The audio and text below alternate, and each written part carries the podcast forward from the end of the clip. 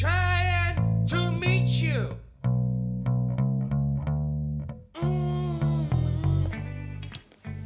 I dagens avsnitt träffar jag serietecknaren Hanna Gustafsson. Hon har bland annat skrivit och illustrerat böckerna Nattbarn och Iggy Forever.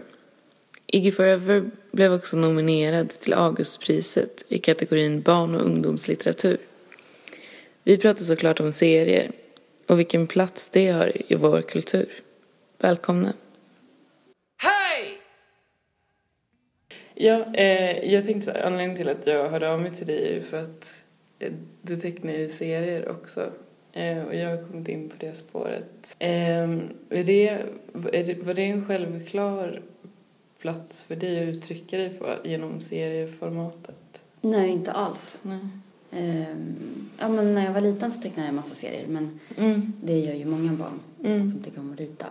Men sen när jag har gått på förberedande konstskola eller gymnasiet och så, då hade jag inte alls det i åtanke och var inte intresserad. Mm. Men det var eh, att jag testade det när jag gick på Konstfack. Det var ganska mycket på uppmaning av andra. Okej. Eh, för jag har alltid varit intresserad av att skriva också, men har inte kombinerat tecknande och skriva riktigt sedan jag blev vuxen. Mm. Men eh, det var jättesvårt när jag började testa. För det, ja det var, jag har ju gått både kandidat och masterutbildning på Konstfack okej. och det var under kandidatåren. Jag kommer inte ihåg nu om det var i samband med en kurs kanske i grafiska noveller eller vad de kallade det. Mm. Eller om det kanske var till och med innan. Mm. Men jag gjorde några taffliga försök.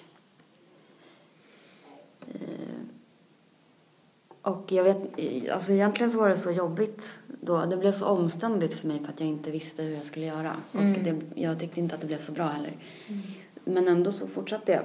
Mm. Det var, det var, ja, jag gav mig inte. Och sen så hittade jag ett sätt att jobba på som gjorde det enklare. Mm. Och sen bara, det låter eh, konstigt att säga att det bara blev så, men det det är lite känslan ändå, att Mm. det bara blev så. Att jag hakade fast i serieformatet. Men var, vart började du någonstans? Eller vad, ehm, hur kom du in på att du skulle söka hit och sådär? Eller till Konstfack? Mm. Ja, på gymnasiet då gick jag en eh, samhälle, bild och form hette linjen. Men jag var mest intresserad av film och gjorde massa film på gymnasiet. Och tecknade lite, men det var mer som en hobby. Så jag sökte till ja, både radio, tror jag, och eh, Biskops Arnes dokumentärfilmslinje. För det, ja, men det var verkligen det jag kände mig intresserad av. Men så kom jag inte in på Biskops Arne. Det var lite ett antiklimax. Eh, Men så hörde jag talas om Grafikskolan som är, man kan väl kalla det för förberedande konstskola. Mm. Fast med inriktning på grafiska trycktekniker. Och jag tänkte att om jag kan gå där ett år eller någonting och komma på vad jag ska göra. Mm. Så jag gick där i två år. Och där blev jag introducerad mer till vad Konstfack var. Mm. Eh, eller jag hade väl hört talas om det kanske men eh, fattade inte riktigt vad, vem som gick där eller Nej. vad man kunde lära sig där. Men mm, många som gick på grafikskolan jobbade ju med att göra i ordning ansökningar och sånt. Ja, okej. Eh, och de allra flesta var ju intresserade av grafisk design och illustration Mm. eller eh, konstlinjen. Mm. Och då var det som att nästan ingen, det var nog typ ingen som kom in på konst. Men någon enstaka eller några kom in på grafisk design och illustration. Ja. Och då um, blev jag inspirerad att också testa. Mm. För att jag hade väl blivit ganska bekräftad som tecknare under grafikskolan. Det var Mm. mest det jag höll på med där. Mm. Så det var genom allas ansökningsarbeten där. Ja. För, men du var heller inte så här bevandrad i konstvärlden innan du började på grafikskolan eller? Eller så här bakgrundsmässigt, tänker jag. Nej, alltså ingen i min familj har någon koppling till eller har gått på konstskola eller Mm. jag hade inte känt någon. Jag hade en internetkompis som gick på konsthögskola men Mm. Nej, för det, det var väl det jag tänkte på mycket nu när jag skulle undersöka plats och sådär. Så jag, jag kommer från landet och där finns det ingen koppling till nästan inte ens till högskola utan att man så här förväntas börja jobba efter gymnasiet och sådär. Ehm, och absolut inte till konstutbildningar och så utan det är någonting som andra får hålla på med. Ehm, och att man lär sig då att man att den platsen inte är för mig utan den är för alla andra. Att det är liksom, jag flyttade hit och jag umgicks också på, jag gick på Nyckelviken för typ fem år sedan tror jag. Folk sökte hit och jag var här men det var fortfarande så här, men den här platsen är inte för mig. Eh, och då så tänkte jag att jag skulle undersöka vad som gör att, att folk tar platser, alltså att man tycker att de är för en själv. Men jag känner verkligen igen den känslan att något inte är avsett för en själv. Mm. Men då när jag gick på grafikskolan var jag nog ganska påverkad av grupptryck. Mm. Eller att det... Eh, att också... Ja men eh, inflytande från lärarna. Mm. Att om man tecknade som jag så skulle jag, eller man, passa på den, på grafisk design och illustration på Konstfack. Mm. Så även om det kändes helt ouppnåeligt så ville jag ändå försöka. Mm. Men sen när jag kom in efter andra gången jag sökte, Mm. då kände jag verkligen inte att jag passade in. Alltså att det på riktigt kändes som att det hade skett ett misstag eller någonting. Det blev lite av en kris. För att jag var inte beredd alls på miljön eller eh, liksom tävlingsandan som fanns i klassen Mm. och så. Eh, och alla, det kändes, eller jag upplevde att alla hade sånt försprång på något sätt. För att för många så var det så självklart att de skulle söka och gå på Konstfack.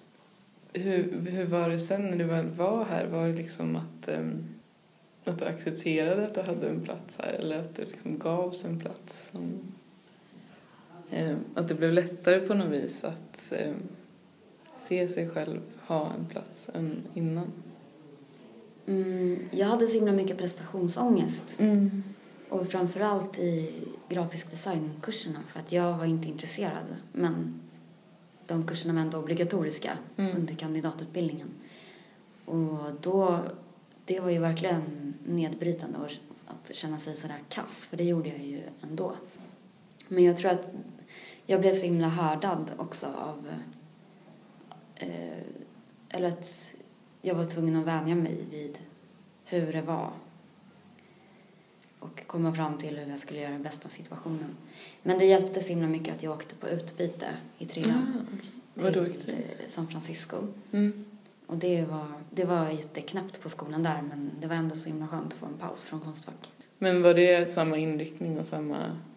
Ja, det var illustration Ja. men illustrationsutbildningen ser, ganska, ser lite annorlunda ut. Eller det är liksom andra grejer som eftersträvas och så. Passade den eh, bättre än Konstfack eller var det bara... Nej, mina grejer stack ut ännu mer. Jaha. Men mm. det var som att de lät mig hålla så tyckte det var spännande. Så jag fick hålla på. Mm. Men det var först när jag gick eh, master då som jag kände att eh, nu kan jag verkligen göra min egen grej. Jag behöver inte bry mig Nej. om vad andra tycker eller... Mm. Men det tog ändå tre år av att... Ja, det kändes som en skärseld typ innan jag Ja. kände mig bekväm på Konstfack Mm. och eh, fri att använda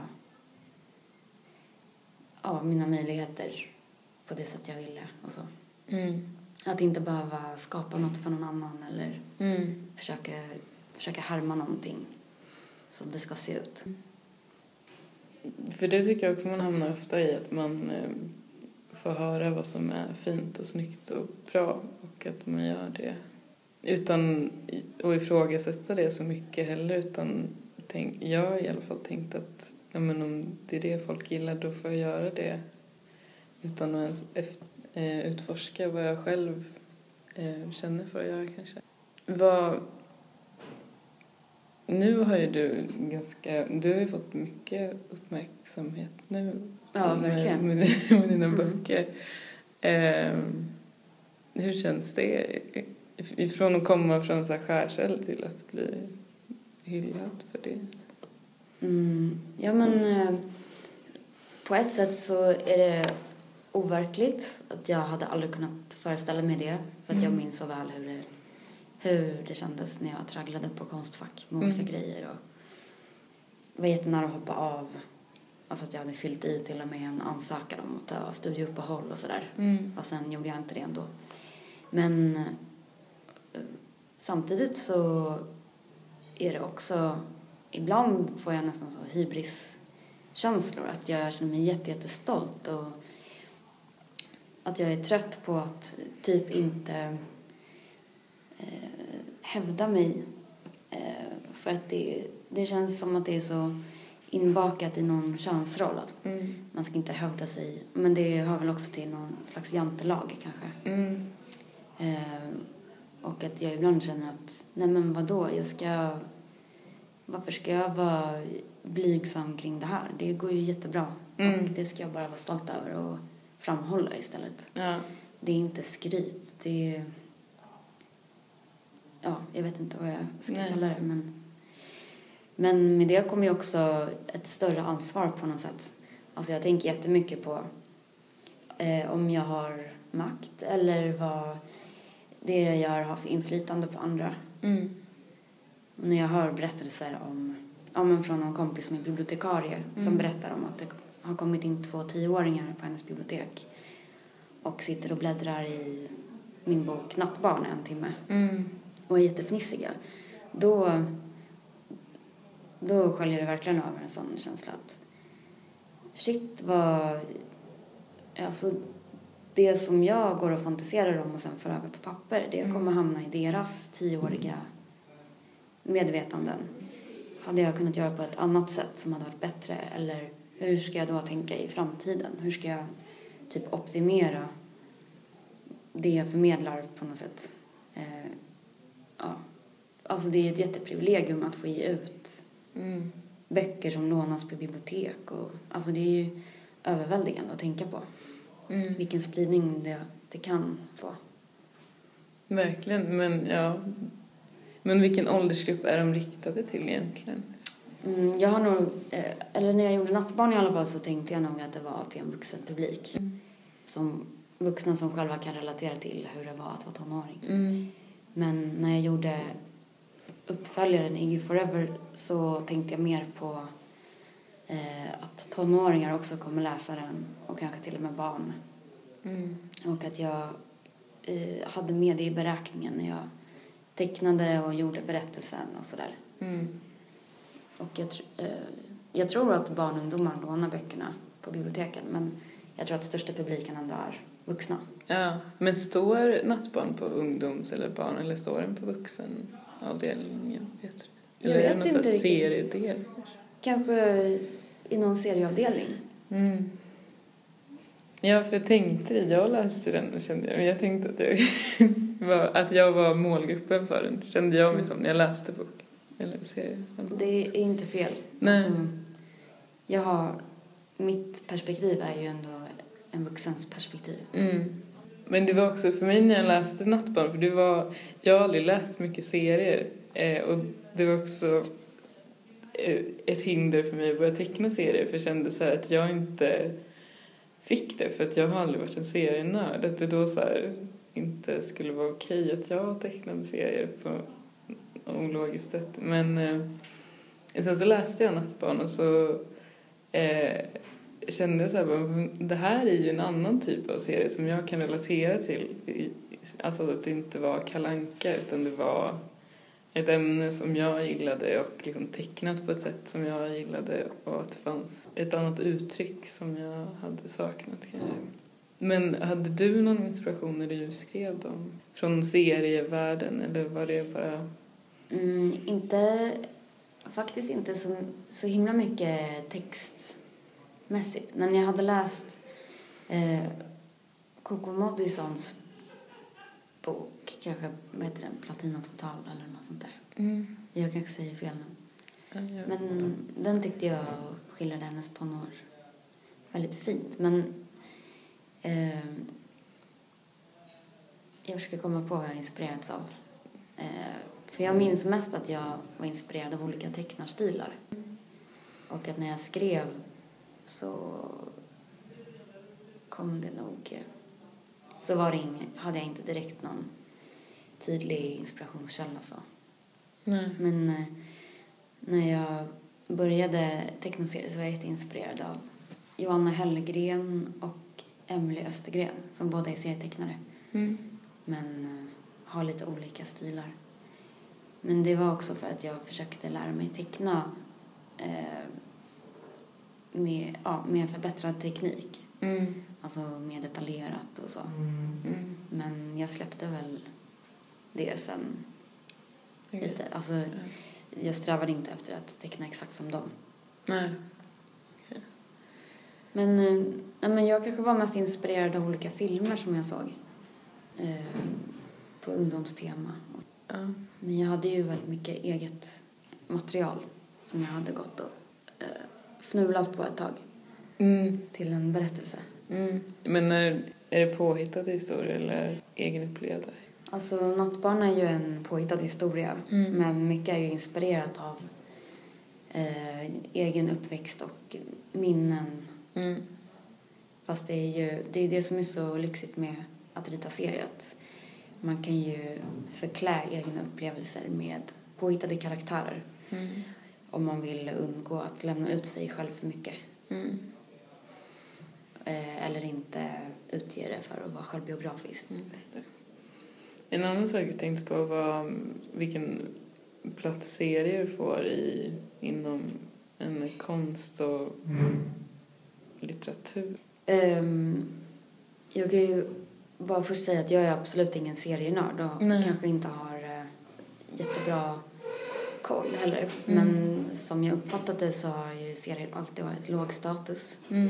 Även ifall vissa eh, vissa eh, manliga serietecknare har haft sån upphöjd position och liksom dyrkats. Mm. Kanske främst av eh, andra män som gillar serier eller någonting. Mm. Men det har ju också förändrats de senaste 10-15 åren.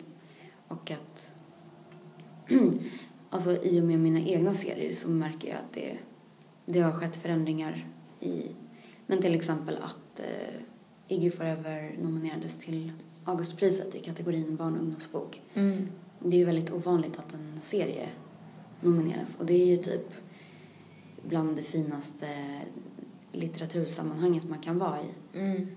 Som, alltså, jag hade aldrig väntat mig att jag, mitt namn skulle figurera i något sånt sammanhang. Nej. Så det, var ju, det kändes jättespeciellt och jag trodde inte jag skulle få priset men jag tror att det betydde, eller betyder mycket för eh, seriemediet ändå att min bok blev nominerad. Mm. Att det är som att eh, steppa upp ett steg. Också att serier nu recenseras på kultursidor.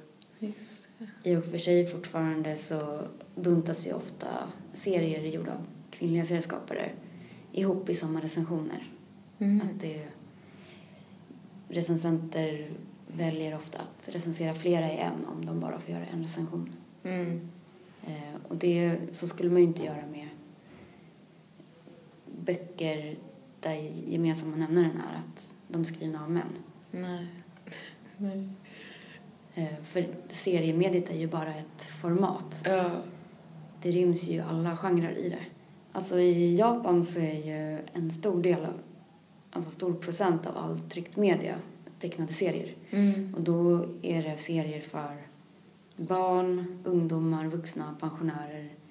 Det är serier med teman som golf eller matlagning. Alltså det är så brett. Mm. Det betyder inte serier att det handlar om att det är feministisk satir eller att det är eh, ja, något annat så specifikt. Mm. Utan att det är bara ett format som en skönlitterär bok typ. Mm. Och det är ju Sverige långt ifrån. Ja, verkligen. Men det skulle vara häftigt om det gick åt den utvecklingen. Det är ju ändå så lättillgängligt format om man är seende och kan läsa serier. Mm. Alltså att det, jag tycker det är mycket lättare till exempel att läsa serier och ta in bild än att läsa en skönlitterär text.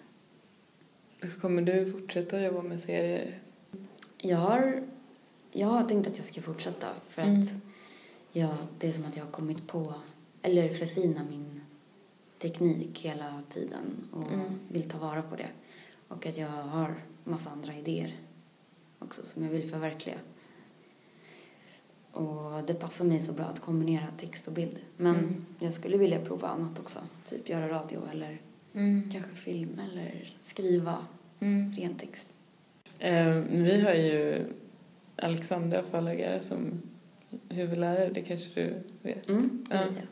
Jag skulle hälsa från henne. Men hon sa, också- hon, eh, sa att jag borde fråga eh, hur du upplever plats. Alltså vad, vilka associationer du får kring det. Nu kanske vi har pratat om det mycket men...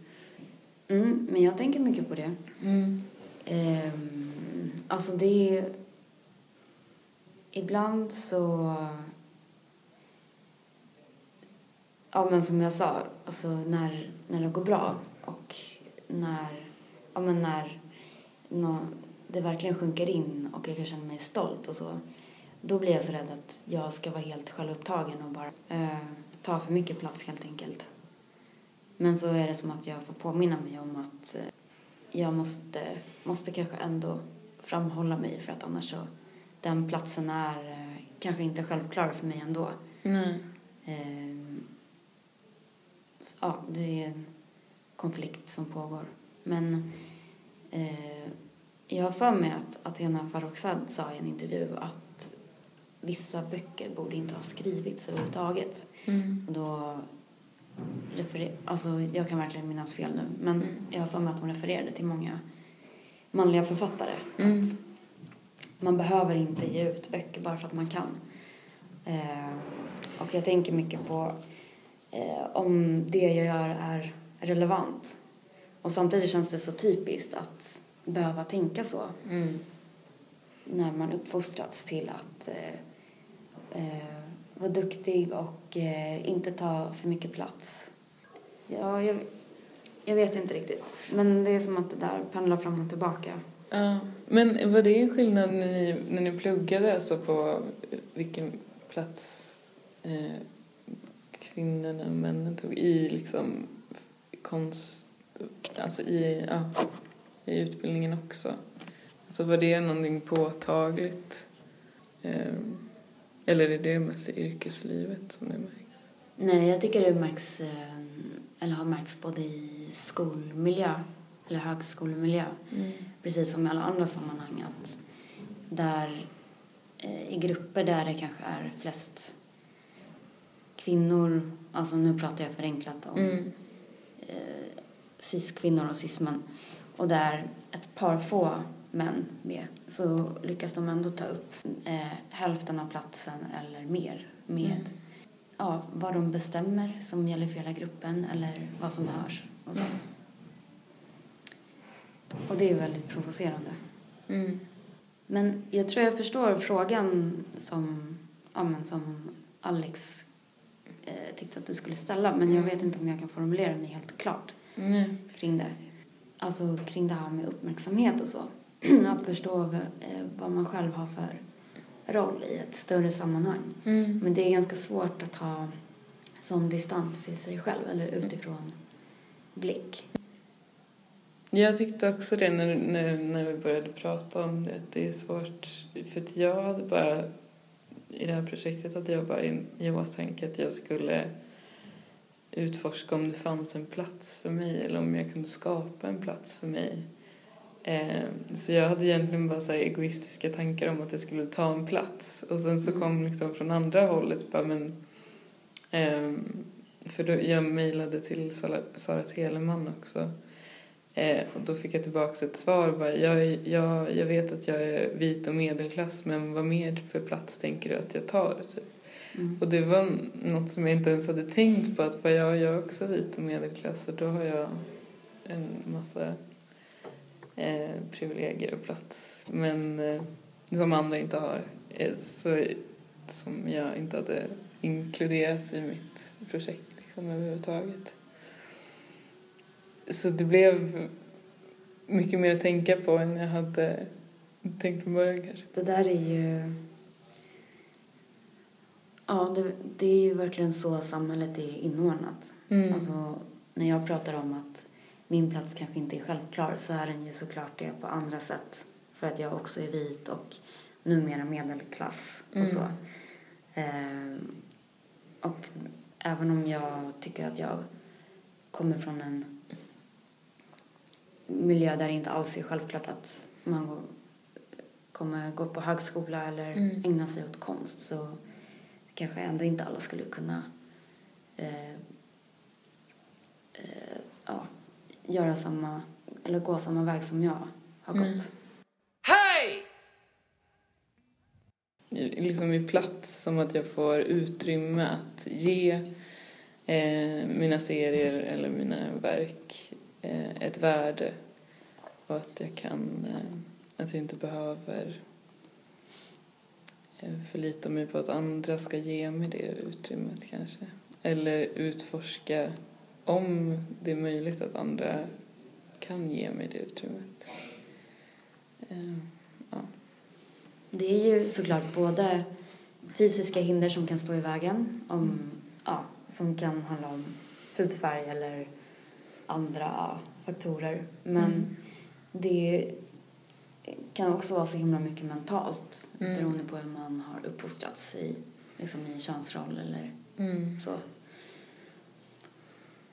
Och jag tror att det har varit så inspirerande, först frustrerande och sen inspirerande att ha gått på konstskolor eller haft att göra med så mycket killar som har eh, tagit sin plats så, så himla för given. Mm. Att det behöver inte vara kvalitet.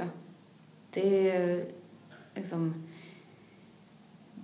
när inställningen ändå är att eh, vi kör, vad fan. Vi tar upp skitmycket plats och eh, det inte ens, alltså det verkar inte ens vara något som många grubblar över. Nej.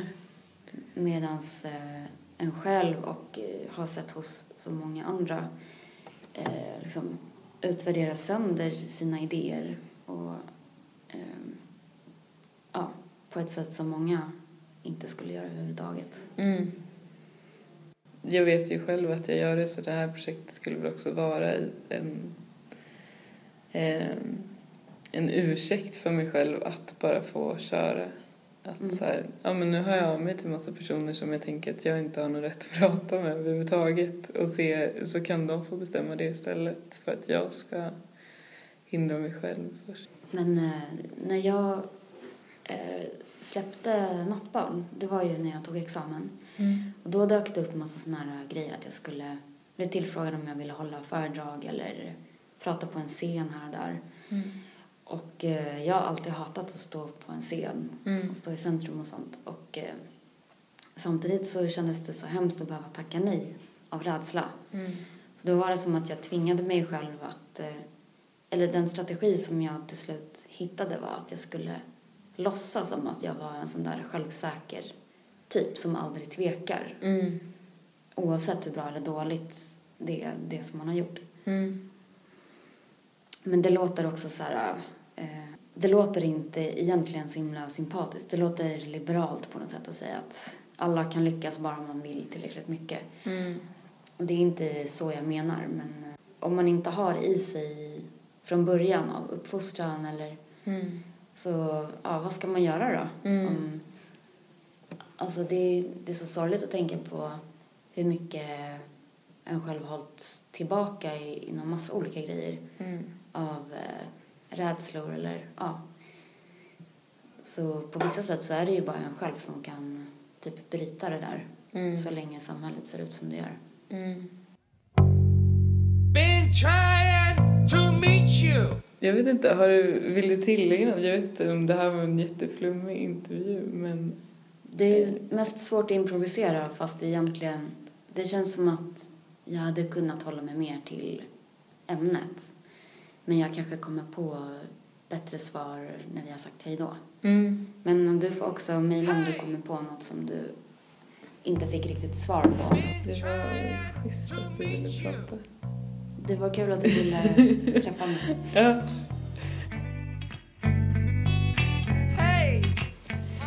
Tack för att du lyssnade. Nästa vecka pratar jag med mannen bakom den stora intervjupodden Värvet, Kristoffer Triumf.